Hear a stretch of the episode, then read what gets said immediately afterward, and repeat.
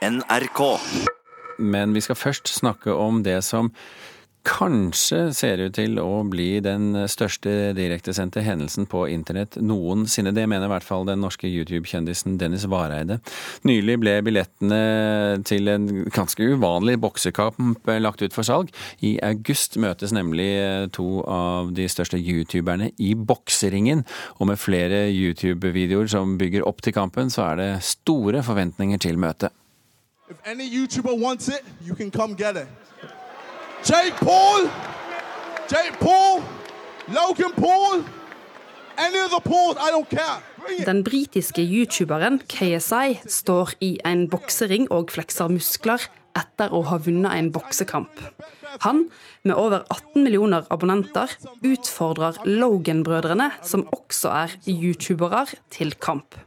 Logan Paul, med sine 17 millioner abonnenter, har tatt utfordringa, og i august møtes de to. Det blir eh, nok den største amatørboksekampen noensinne. Jeg skal ikke se bort fra at det er den boksekampen med flest seere sånn generelt. da.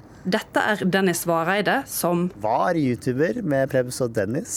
Jeg jobber nå i NRK med diverse YouTube-ting.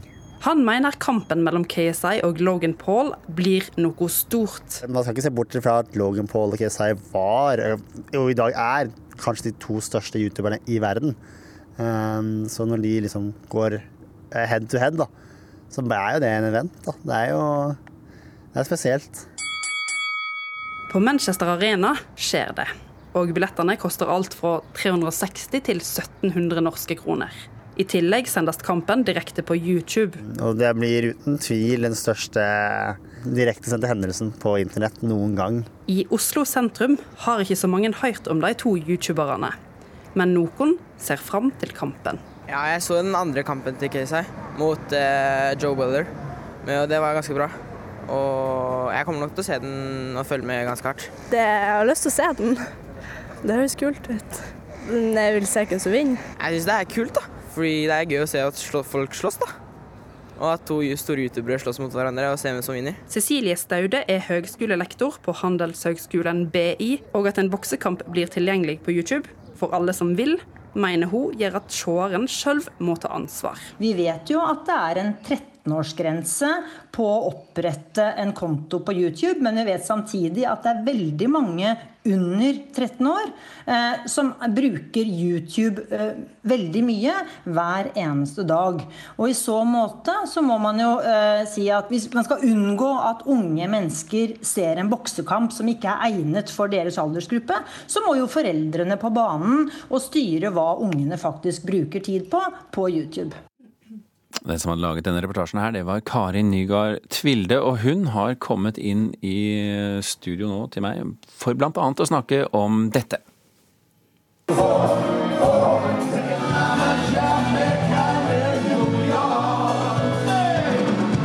I mean, you don't make music to make history. You make music to make music.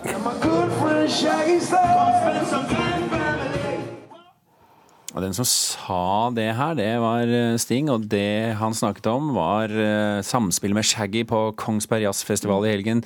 Festivalen eh, fikk jo publikumsrekord, stemmer ikke det, Tvilde? Over 38 000 billetter solgt. På konserten til Sting og Shaggy kom det 7000. Og 12 000 var på å ha konserten. Så dette her er publikumsrekord, og det slår rekorden fra 2016. Og det som alltid er spennende i Kongsberg, hvem fikk festivalens store musikkpris? Eirik Heggdal, 200 000 kroner til han, og han får spille på Kongsberg Jazz neste år.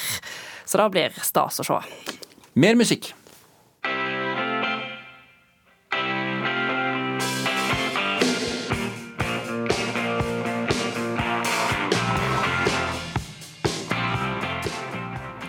Umiskjennelig riff. Start me up med The Rolling Stones.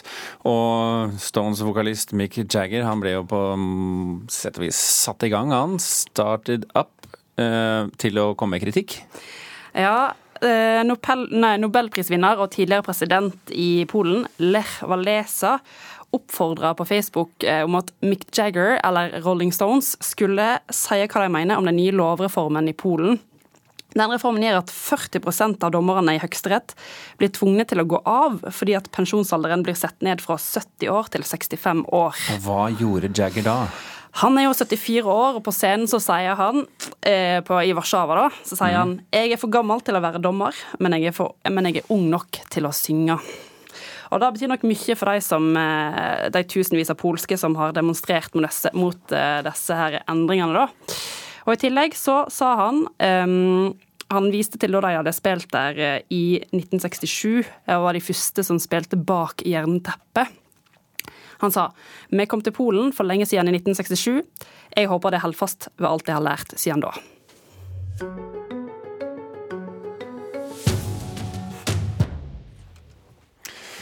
Ny forskning fra Universitetet i Sør-Norge viser at eh, nær skjermbruk, altså telefon, nettbrett, kan skape muskelplager for barn. Vi bruker nemlig muskler for å stabilisere synet når vi ser på skjermer nært opp til ansiktet. Om barnet f.eks. er langsynt, så må musklene jobbe ekstra, og det kan gi muskelplager i nakken. Det er en barnehage. Timmy går i en barnehage, og det ser jeg på iPaden min. Fem år gamle Lila er på Barnevalen på Kongsberg sammen med mora Therese Hovland Jahr. Her får hun et avbrekk fra skjermer hun bruker ofte. Det er jo daglig, men vi begrenser det veldig til eh, klokkeslett. Så det er ikke noe fritt spillerom hjemme hos oss. Her har vi vel noen grafer tenker jeg, som viser eh, litt eh, av det vi ser da.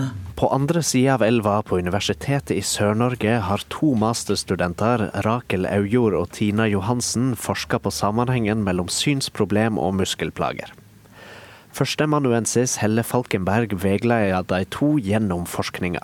Så Rakel har sett på barn som har blitt henvist til helsesøster for nakke, nakkeplager, og ser um, da at det er en sammenheng mellom behov for en synsundersøkelse og en brilleløsning og nakkeplager.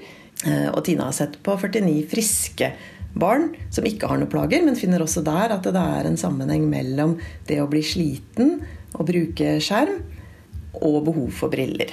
Forskninga finner at barn som blir slitne og får muskelplager av å se på smarttelefon og nettbrett, kanskje har behov for briller.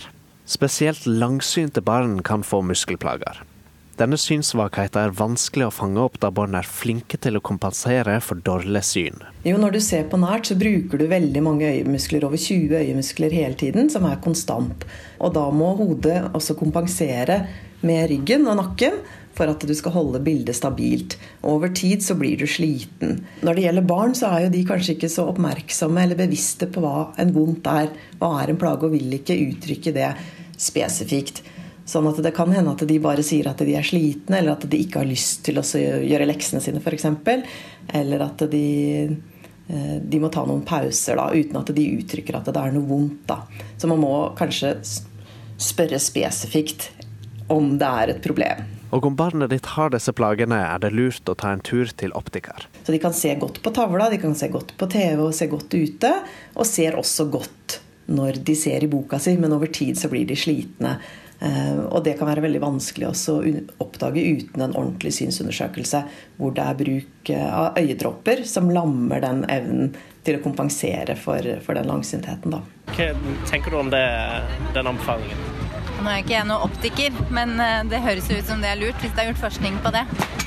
Reporter i denne saken det var Anders Martin Helle.